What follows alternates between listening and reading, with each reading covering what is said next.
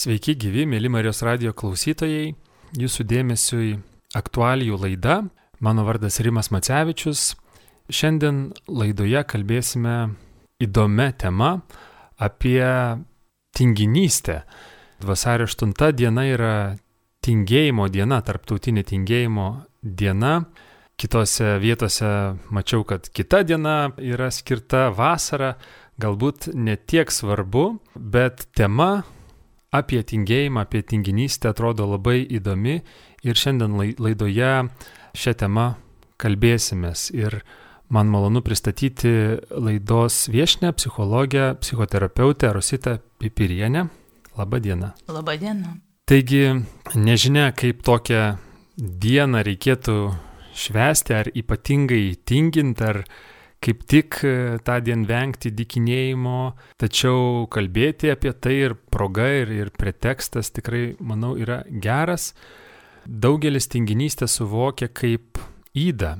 Katalikai tokias tingėjimo apraiškas spėjų dažnai mini ir per išpažinti, bet taip pat girdime ir apie žmonių pervargimus, apie perdėgymo sindromą ir bendrai sėkmingo žmogaus apibūdinimas šiais laikais tai, tai yra toks, kuris skuba, kuris dirba per du darbus, po darbo stengiasi užsidirbti papildomai, jo poilsis irgi yra aktyvus.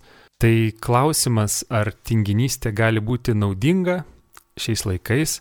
Tai visų pirma, norėtųsi jūs rasite paklausti, kaip psichologai žiūri į tinginystę, kas tai yra, ar ją galim kažkaip apibriežti, ar tai yra sutrikimas, e, būsena, jausmas, kas tai yra?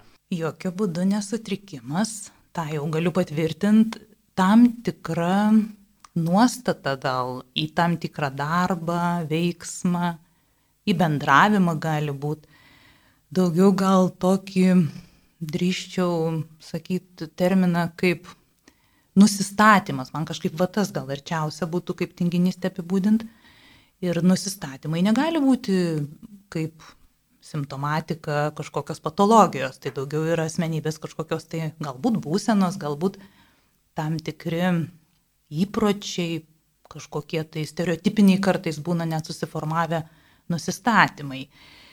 Aš tai vad galvoju, kad jeigu žmonės mokėtų protingai tingėti, tai mes turėtumėm daug daugiau laimingesnių žmonių pasaulyje.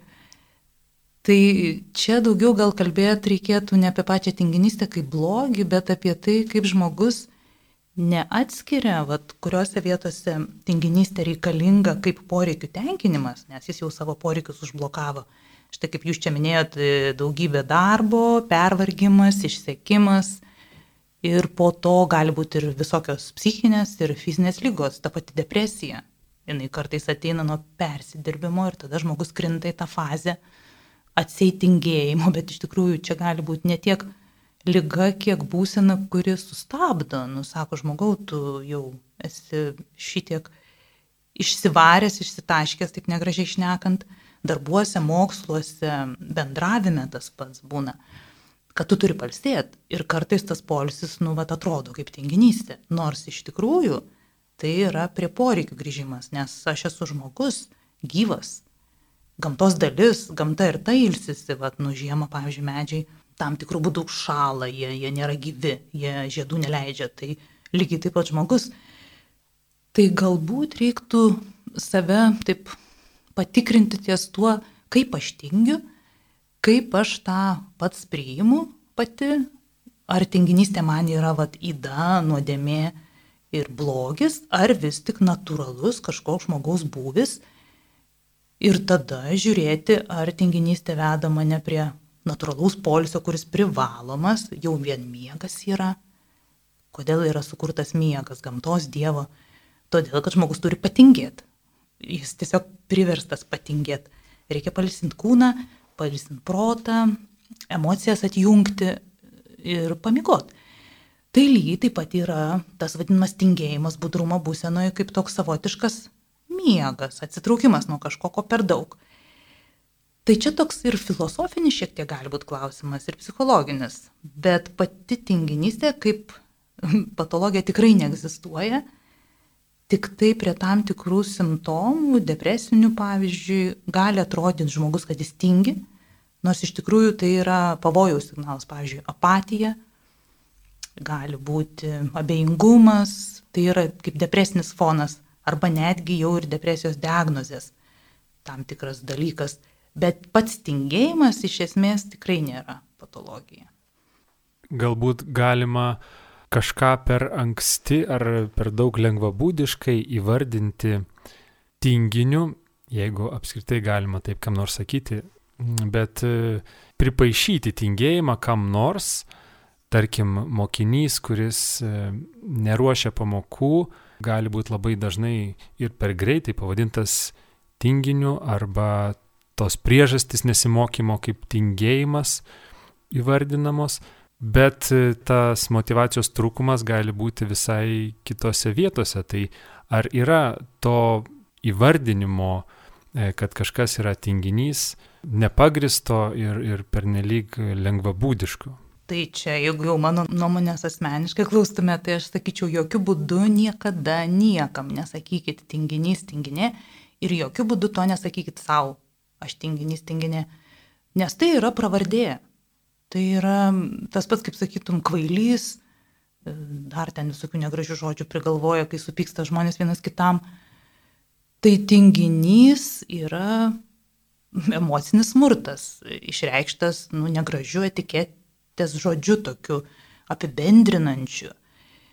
Ir tikrai, jeigu jau man konsultuojant, pavyzdžiui, arba kalbantis su studentais, aš dėstau, kalba žmonės apie tai, kad aš tinginys, negaliu to, to, tai aš pirmiausia, ką sakau, tai niekada nevadinkit savęs tinginiu, nes tai yra tam tikras nusistatymas į tam tikrus dalykus. Ir kaip jūs ir savot labai teisingai, reikia patirinėti, iš kur kilo mano tas nenoras, jokių būdų čia ne tai, kad aš tinginys kaip asmenybė. Mes visi esam veiklus, net tie žmonės, kurie su negale, ten, sakykime, invalido vežimėlį prikaustyti, jie vis tiek netinginiai, jie veikia kažką, jie, jie masto, jie daro tą, ką gali. Ne vienas iš mūsų nėra tinginys iš esmės. Yra tiesiog tam tikra tuo metu būsena, kuri mums neleidžia įsitraukti. Tai patirinėti, kas po apačia, visada tiesiog privaloma. Tai jūs gerai paminėt vat, motivacijos trūkumą, tai pirma priežastis. Motivacijos trūkumas, ypač dabar karantino laikais, kai viskas nuotoliu, nėra gyvo kontakto, kuris aktyvina. Apskritai gyvas kontaktas, akių žvilgsnis, neverbalika, kai žmonės viens kitą atidžiai mato, o ne per ekraną, kuris atskiria, jisai aktyvina įsitraukimą ir automatiškai mažėja tinginystė, ta vadinama. Tai mokytojai šitą labai dabar daug kur pastebi ir, ir visai kalbasi, kaip padaryti tą mokymasi mokiniam įtraukianti, kad kuo daugiau būtų gyvumo. Tai motivacijos trūkumas, pirmų numerių kai aš kažko nenoriu, atseit tingiu daryti, indus plaut, kambarius tvarkytis, dantis valytis, mokytis tam tikrų dalykų, kartais net ir kažkokiu hobiu užsimt, nors man dalykas patinka, pavyzdžiui, ten, nežinau, groti pieninu ar dar kažką, bet aš tuo metu tingiu, va tiesiog. Tai reikia savęs paklausti, kas yra, kad man dabar tam trūksta motivacijos. Tai motivacijos trūkumas gali, nu, pirmą numerį eiti per poreikius, čia mes jau kažkaip minėjom tą žodį poreikių tenkinimas, tai fiziologiniai poreikiai, maslau, jau labai gražiai prieš šimtas viršų metų sakė klasikas psichologas, kad e, fiziologiniai poreikiai, jeigu jie nepatenkinti, žmogus nenorės daryti kitų e, veiksmų, kurie pagal aukštesnius poreikius. Pavyzdžiui, mokytis yra jau aukštesnis poreikis, savigarbos pagarbos daug aukščiau jis negu fiziologija. Ir jeigu vaikas ar suaugęs ar studentas yra nepamiegojęs pilnai, tai yra fiziologinio poreikio neįvykdęs, nepavalgęs, e, jį troškina, pavyzdžiui, tam tikri dalykai neįvykdyti, galų gale būna tiesiog fizinis nuovargis, elementariai žmogus per ilgai dirba, be pertraukų. Natūraliai motivacija kris. Arba jeigu, tarkim, jis turi mokytis ruošti namų darbus, bet namuose labai šalta, nėra Taip. sąlygų, tai jam nusiteikti mokytis e, yra sunku arba neįmanoma, nes fizinis e, poreikis nepatenkintas. Taip, čia jau truputį viršų kylant tas saugumo poreikis, nes e, saugumo poreikiai fiziologiškai, jie kaip ir, jeigu jie nepatenkinti, žmogus nebūtinai mirs, gali visai būti, bet jis neturės to saugumo, kuriame galėtų aukti ir kaip individas, ir kaip fizinis asmuo, ir kaip emocinis. Tai vad, pavyzdžiui, karšta, šalta, ne, triukšmas, pavyzdžiui, tėvai pykstas ištisai. Tai koks ten namų darbų ruošimas vaikui, jis tiesiog užsidaro kambarį, kartais visai ten būna su tais vaikais, kai tėvai pykstas, jie ir spintoje užsidaro, kad būtų tyliau. Tai jis neparuoš namų darbų tikrai tuo metu. Ir ne todėl, kad tingiu, todėl, kad, kaip jūs atminit, kad saugumo nėra. Lygiai taip pat kažkoks, nu, emocinis trukdis, pavyzdžiui, įžeidė draugas ar ten milmieji susipyko žmonės, nu, koks ten darbas tada, kai emociškai žmogus yra išbalansuotas. Ten, nežinau, paprastų dalykų gali būti, pavyzdžiui, sugedo automobilis, žmogus dabar turi pergalvoti viską, jam ten gyvenimas sustojo, kai kurie be mašinų negali gyventi Tai reikia nu, į tai orientuotis. Tai čia tas emocinis nesaugumas. Reiškia, turim fizinį ir emocinį nesaugumą. O karantinas šiuo metu ir pandemija pasaulinė jau metus besitęsianti mums sukūrė automatiškai emocinį nesaugumą. Jau automatiškai šitas poreikis yra šiek tiek blokuojamas. Tai dabar, žinokit, mums, nu, vadinamai tingėti yra netgi kartais ir teisinga, nes mes turim atsistatyti tą saugumą kažkaip. Ir tuo metu rūpinti savo emociniu būviu, Jeigu ten vaikas išsigandęs labai, labai supykęs e, ir suaugęs tas pats, tai tuo pasirūpinti reikia, pažiūrėti, iš kur tie jausmai, o ne save prikausti tuo metu dirbti, nes ir kokybė nukris, ta prasme darbo kokybė bus prasta. Mes daug lėčiau darysim. Klaidų daryti galim daugiau, kai labai susijaudinę kažkokiai būsenai puolam dirbti. Kitas dalykas, jeigu tai yra įsitraukimo emocijos, adrenalinas arba stresas, vat, pavyzdžiui, kad ir man vat, laidai ateiti pakalbėti yra savotiškas stresas ir tai mane tam tikrų būdų sujaudina, bet tai veikia stimuliuojančiai, kad aš galėčiau kuo geriau pasiruošti, papasakot, e, kuo daugiau dalykų, ką žinau, perteikti. Tai lygiai taip pat mokslas ir darbas, tam tikras stresas, jeigu ten prieš atsiskaitimus vaikų kontrolinius, jisai gali būti, viskas gerai, bet kai jis perdėtas, kai labai daug emocijų, vaikas, nu, nesusikaups. Ir jeigu jo klausia, kodėl nepadarai namų darbų, tai jis nepasakys tokių vat, protingų dalykų, nes dažniausiai net saugęs kartais savęs nereflektuoja, kodėl jis e, vakar netliko užduoties ir vadovas skambina ir sako, nu kaip čia buvo, tu vėluoji. Jis kartais nežino, kad vakar dėl to, kad susipyko su vyru ar ten su žmona, dėl to nepadarė. Nu, gana sunku mums tai vardinti. O ką jau kalbėt vaikas? Tai čia jau reikia pasirūpinti suaugusiam, jeigu mes kalbam apie vaikų priežiūrą. Ir jokių būdų nevadinti nei tėčių, nei mamai ant vaiko, kad jis tinginys, nei mokytojam tokiais žodžiais. Pasiklausti, o kas buvo tuo metu. Ir pagrindinis dalykas neklausti, kodėl. Nes klausimas, kodėl iškart kelia kaltę ir gali vaikas pradėti nu, kažkaip meluoti, teisintis, klausti, kaip, kaip tai atsitiko, papasakok situaciją, papasakok istoriją, kaip buvo, kad tu vat, nu, nepadarėjai kažko. Lygiai taip pat darbdaviai, darbuotojai, kurie kartu dirba, turėtų irgi va, daugiau šitaip klausinėti vieni kitų, o ne kodėl tu nepadarai ataskaitos paskutinę dieną šiandien, kodėl tu nesuvedai kažkokių ten duomenų. Tai vengti klausimo, kodėl, kai mes pamatom tinginti žmogų atseit. Klausti, kaip buvo, papasako, kaip tu, nu, kaip tau susidėjo taip, kad nepavyko padaryti šito dalyko. Tai va toliau eina jau vadinamas bendrystės, meilės socialiniai tie poreikiai, kurie va dabar karantino metu automatiškai labiau užslopinti, nes mums apribota yra bendravimas ir mes turim tik su artimaisiais ryšį palaikyti, su kitais taip labai atsargiai. Ir tai tie dalykai iš tikrųjų labai stipriai žmogų paralyžuoja gal. Ir dabar čia mane jau kalbino kažkur tai apie tai, kaip darbe pasireiškia karantino po, poveikis. Tai žinokit, vienas iš tų krinta motivacija dirbti. Dėl to, kad mum apriboti santykiai socialiniai. Ne, ne patys mes renkamės nebendrauti su tam tikrais bendradarbiais, nes, nu, pavyzdžiui, nenorim su jais bendrauti, nes, nu, nesutampa charakteriai. Bet mum apribota, tai yra laisvė suvaržyta. Ir tada šitoje situacijoje mes natūraliai nebenorėsim jau ir to darbo atlikti pilnai. Ir tas, kai kuriem, pavyzdžiui, dar yra labai sunku tai, kad jiem nereikia eiti į darbą.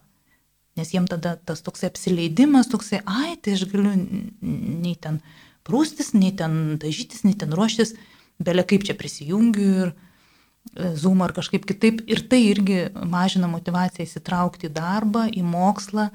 Dėl to mokytojai čia gana gerai daro, man atrodo, kad prašo, kad vaikai pilnai prisijungtų, kad nebūtų tas miegojimas lovoj, nes, nu, čia labai arti ta vadinama blogoji tinginystė. Tai yra apatija, e, visiškas motivacijos dingimas ir žmogus tada sako, aš nieko nenoriu, man niekas nesvarbu. Ir karantinas tą ypatingai, nu, netgi pavojingai, gal sakyčiau, provokuoja Dėl to labai svarbu kažkokiu būdu save įtraukti į mokslą, į darbą, net jeigu tai nuotoliniu būdu vyksta. Ir kuo daugiau bandyti tame ištraukto gyvumo, nes gyvumas duoda vėlgi motivaciją ir, kaip aš sakau, tinginystės antonimas tai būtų įsitraukimas. Jeigu man reiktų sugalvoti, tai aš taip pat sugalvojau, tai pabandyti save kaip įmanoma įtraukti ir tada mažiau to blogojo tingėjimo bus. Dar girdėjau tinginystės antonimas valia. Mm. Ar, ar, ar teisinga būtų taip sakyti? Tai tada jau mes prieisim tikriausiai prie to tinginystės aspekto, kuris yra neįgiamas. Arba pavojingas, nu, kiek, kiek tai gali būti neįgiama, kiek pavojinga, čia aš nedrįsiu gal taip analizuoti labai, bet pavojingas tikrai. Tai vadinamas toksai ir darbo atidėliojimas, pavyzdžiui, ir toksai nedarimas to, kas iš tikrųjų priklauso tuo metu. Ir kažkoks tai trūkumas e, tokio savarankiškumo net kartais būna. Atrodo, žmogus laukia, kol už jį padarys, kitiem kažkokiu būdu permeta darbus, arba ten mokslus vaikas e, vos neprašo, kad tėvai už jų namų darbus padarytų, dabar kai nuotolinis mokymas, kad išsiųstų viską tai jokių būdų nereikia imtis šito, šito veiksmo tėvam ir nedaryti už vaikus, nes taip mes darom nu, labai blogą įtaką vaiko savarankiškumo augimui ir vad stabdom įsitraukimą. Tai tada valia bus labai reikalinga. Tai dabar kaip atskirti, vat, kurioje vietoje aš užstrigau dėl to jau, kad atidėlioju, nes, pavyzdžiui, man per daug tų darbų. Vaikai kartais būna, jie tiesiog ne, neapsiskaičiuoja krūvių Ir, pavyzdžiui, šeštadienį, sekmanį pasilieka namų darbus daryti ir jiem per daug savaitės namų darbų. Ir jie meta viską, sako, aš nedarysiu. Arba meluoja, kad padarė ir, ir, ir po to dar daugiau sukrinta namų darbų. Ir va tada jie atsigula ir sako, nieko nedarysiu.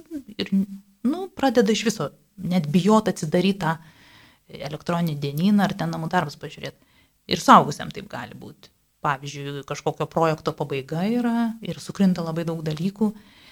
Tai vienas tas pavojingumas yra kai mes nedarom ir tai pavadinti galima nutingėjimo tokiu kaip ir išsireiškimu, dėl to, kad per daug sukrinta įvykių į vieną vietą, per dideli krūviai ir mes truputį nemokam suskaičiuoti strategiškai savo pastangų, jėgų ir įsivaizduojam, kad va šitą gal per parą spėsim padaryti, o ten fiziškai darbo, pavyzdžiui, yra keturiom parom.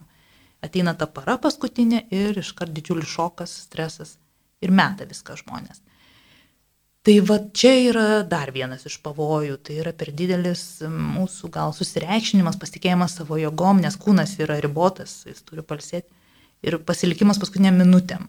Dėl to, pavyzdžiui, prižiūrėti reikia ir save šiek tiek, kad būtų nu nuoseklu. Turpučiu, kad turėti nuosekliai darbai. Ir tuo pačiu vaikus mes, kai truputį prižiūrim, ypač jeigu mažesnius, mokytojai irgi šitą žino, kad reikia nuosekliai išskirsti darbus. Tai čia jau valia reikalinga. Kai kalbam apie sistemą, režimą, e, kažkokį nuoseklumą, tai čia valia yra pagrindinis rodiklis, savarankiškumas ir valia. Ir tada jau prisiliečiam prie to, kai nenoriu, tingiu, vat, galiu tą pasakyti irgi, bet turiu. Ir va ta žodis privalau, pavyzdžiui, man asmeniškai labai nepatinka aš žinokit, toj vietoj turiu susijimti taip, kad, nu, ir balė turi suveikti, ir užsispyrimas, nes aš jo daug turiu. Bet man tuo metu reikia labai save stipriai kažkaip įtraukti tą veiksmą. Tai kai aš vieną kartą savo kolegijai pasakiau, kad aš netindus plaunu tik tada, kai man įdomu ir kai aš noriu. Jis sako, nesupratau, tai tu kasdien plauni, sakau, ne. O tai kaip tu? Tai va, tai žiūrėkit, čia jau yra asmenybiniai skirtumai. Dabar man daug kainavo, kol aš supratau, kad aš žmogus, kuris dirba priešakiais. Ir tai yra mano natūra. Bet man tai irgi kartais, nu, mat, sukrinta į vieną vietą ir aš tada galvoju, ai, tai geriau iš viso palsėsiu, pamiegosiu, dar yra čia to laiko ir paskui žiūriu, nebėra laiko. Tai čia reikalinga valia ir jinai turi įsijungti dabar negražiai pasakysiu, žinokit, bet su švelne prievarta savo. Va tokiem žmonėm kaip aš, kurie ten viską mėgsta maloniai daryti, su įsitraukimu, turi džiuginti, va visi mokslai, visi darbai turi džiuginti mane. Tai aš kartais va tokius žmonės, kai sutinku ar, ar tarp studentų, ar tarp klientų, ar tarp draugų, tai kartais sakau, ne, ne, ne, yra dar ir pareiga, yra dar ir kažkoks, nu, vat, valios motyvas.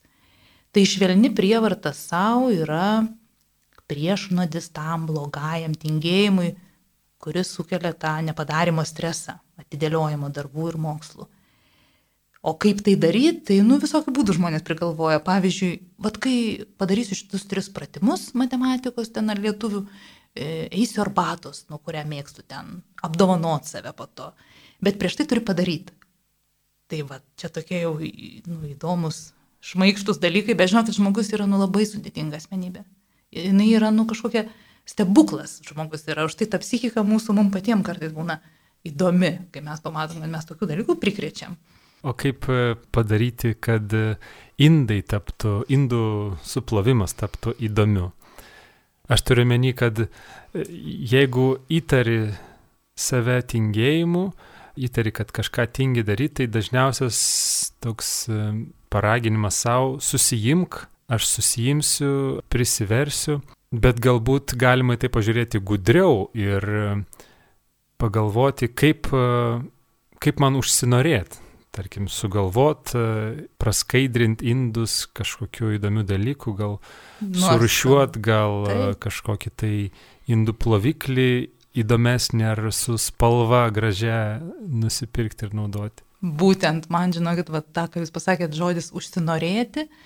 Ir žinokit, tai yra stebuklas, bet šiaip žmogus yra labai pakantus iš esmės, nu, gamtos dalis, ne, galų galia Dievo kūrinys mes tikrai mokam prisitaikyti, mes tikrai mokam kažkokiu būdu įsijungti, jeigu tik tai savo tą primenam. Tai užsinorėti tobulą. Būtent, žinokit, aš taip ir darau, bet, pavyzdžiui, jeigu būna sunkesni kažkokie tai darbai, nu, netokie kūrybiški, aš labai kūrybiškai mėgstu dirbti, bet būna tokie techniniai. Tai aš galvoju, kaip man tame rasti nors kokį, va, įdomumą.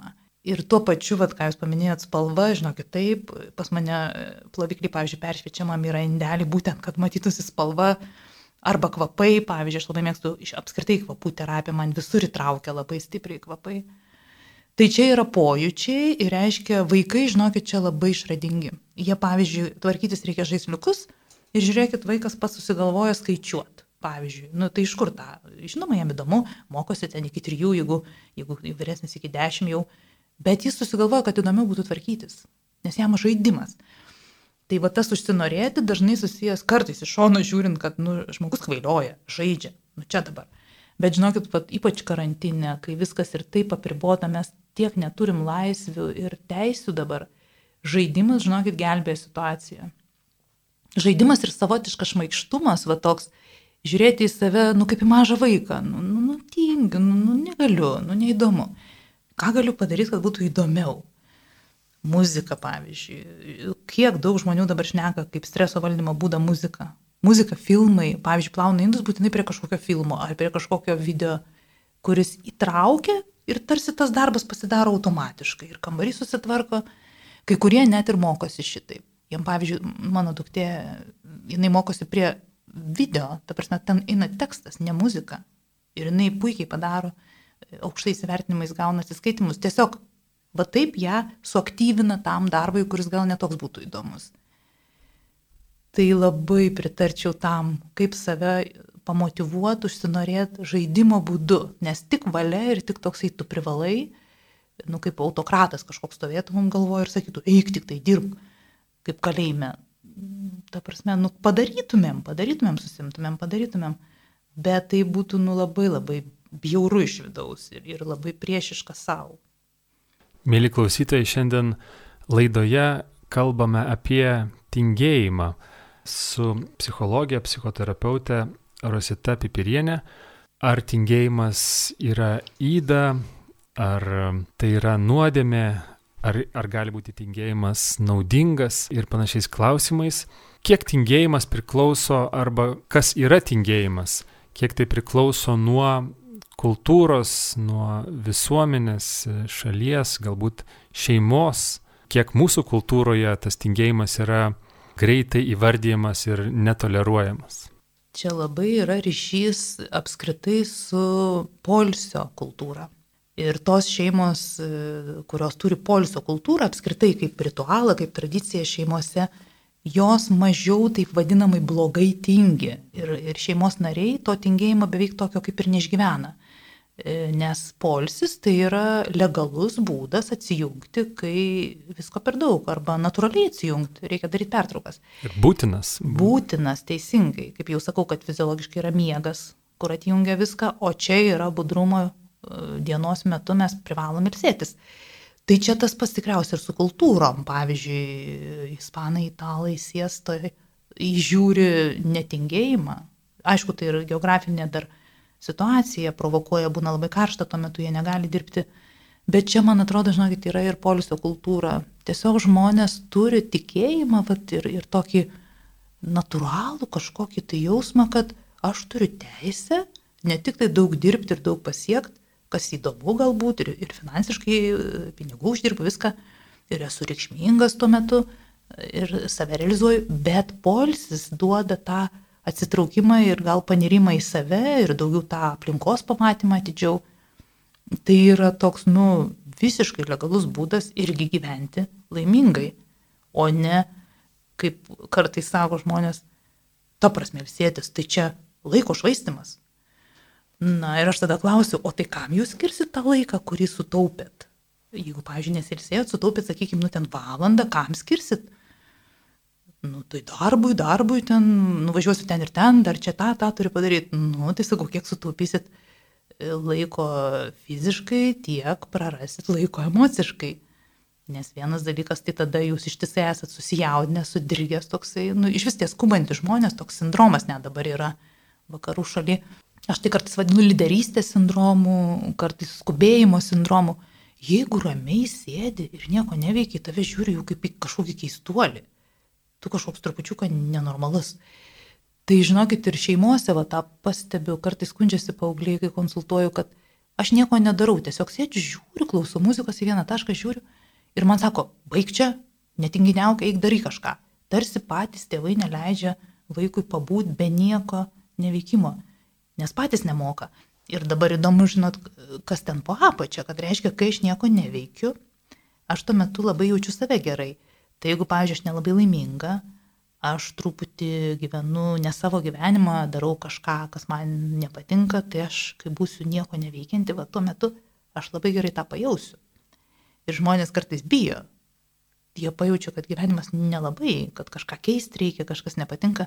Tai jie tada dirba dar kartą, dar kažkokį darbą, dar, dar, kad tik nepajaus to vidinio savęs jausmo, o vaikai, kaip žinom, jiegi gyvena taip, kaip gyvena. Jie neplanuoja. Dėl to jam būti su savim tyloj, ramybei, žaidime jiem nebaisu. Tai va čia mes iš vaikų turėtumėm pasimokyti to nieko, ne... ir pauliai, pavyzdžiui, jie moka nieko neveikti. Sako tėvai jam ten ar mokytojai laiko švaistimas. Kaip tik aš sakyčiau, gal laiko įprasminimas. Tai va čia tokio kultūrinio aspekto, šeimų auklėjimo irgi labai jaučiasi. Ir sakau, man tai gražiausia galbūt pasivadintų į tą polisio kultūrą. Mes turim visi turėti kažkokią polisio kultūrą. Ir, ir nebereikalą, ir, ir sekmanį švesk. Ir tai jeigu jau Dievas ilsėjosi, tai ką mums žmonėms čia kalbėti? Mes turim irgi ilsėtis. Dar vienas teigiamas tingėjimo aspektas galėtų būti, kalbant apie darbus, darbovietės, teko girdėti tokią mintį, kad e, darbdaviai ieško tingių darbuotojų, nes jie sugeba atrasti trumpiausius ir efektyviausius būdus darbui atlikti. Ir e, kalbama apie žmonijos pažangą, apie išradimus, kad kažkuria prasme jie atsiranda irgi iš tingėjimo.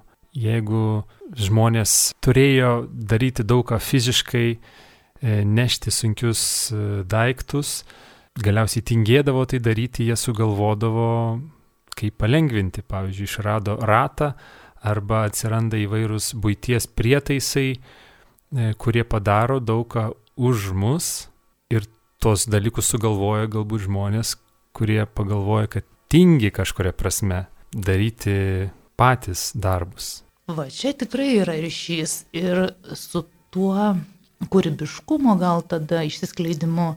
Nes taip, išradimai iš esmės dauguma iš jų padaryti dėl to, kad žmogus nenorėjo dėti daug pastangų tam, ką gali padaryti su mažiau pastangų.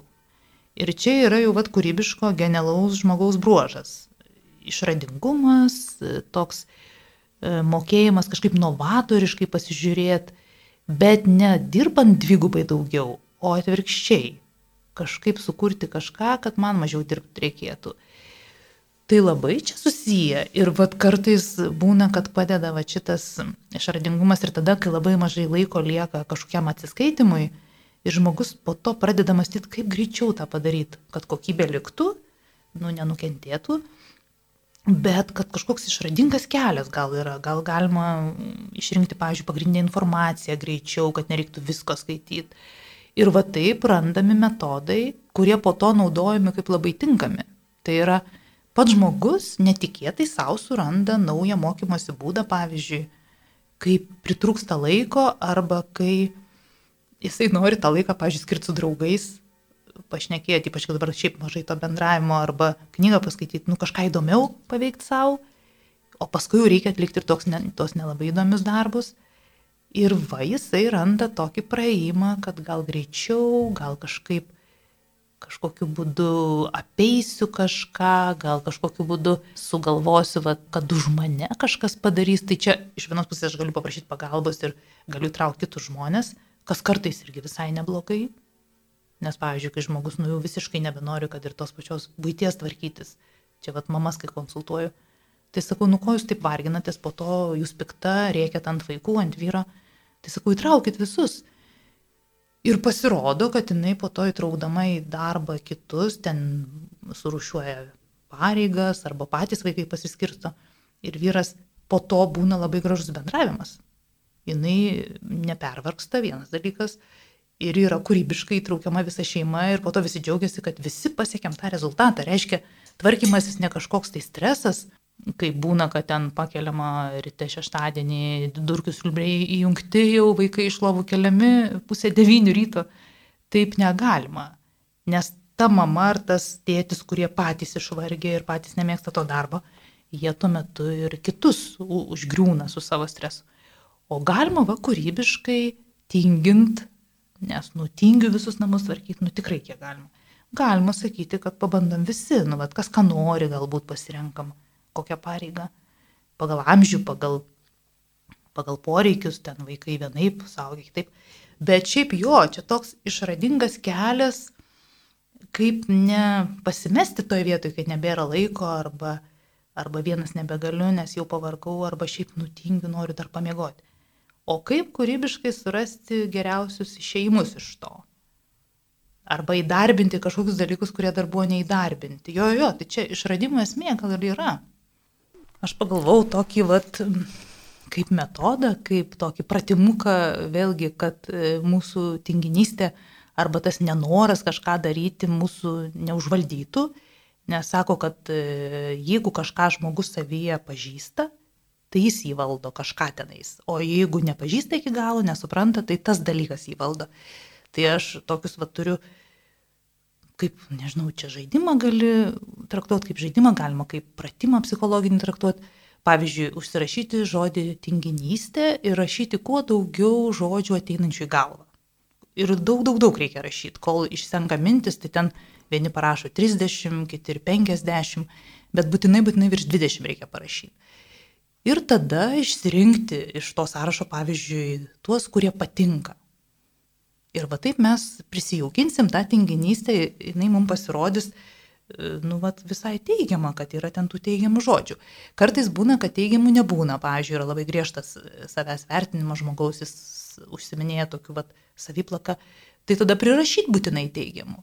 Kitas dalykas - išsirinkti, pavyzdžiui, vieną arba du tokius, nu, kurie mums nelabai patinka tame sąraše ir pabandyti parašyti po to keletą pasiūlymų savo, kaip aš va su jais galiu tvarkytis, kaip aš galiu e, padaryti, kad tai netrukdytų man. Tai vad, pavyzdžiui, aš tokiam sąraše iš karto rašyčiau darbuoti dėliojimas, aš šitą tikrai turiu.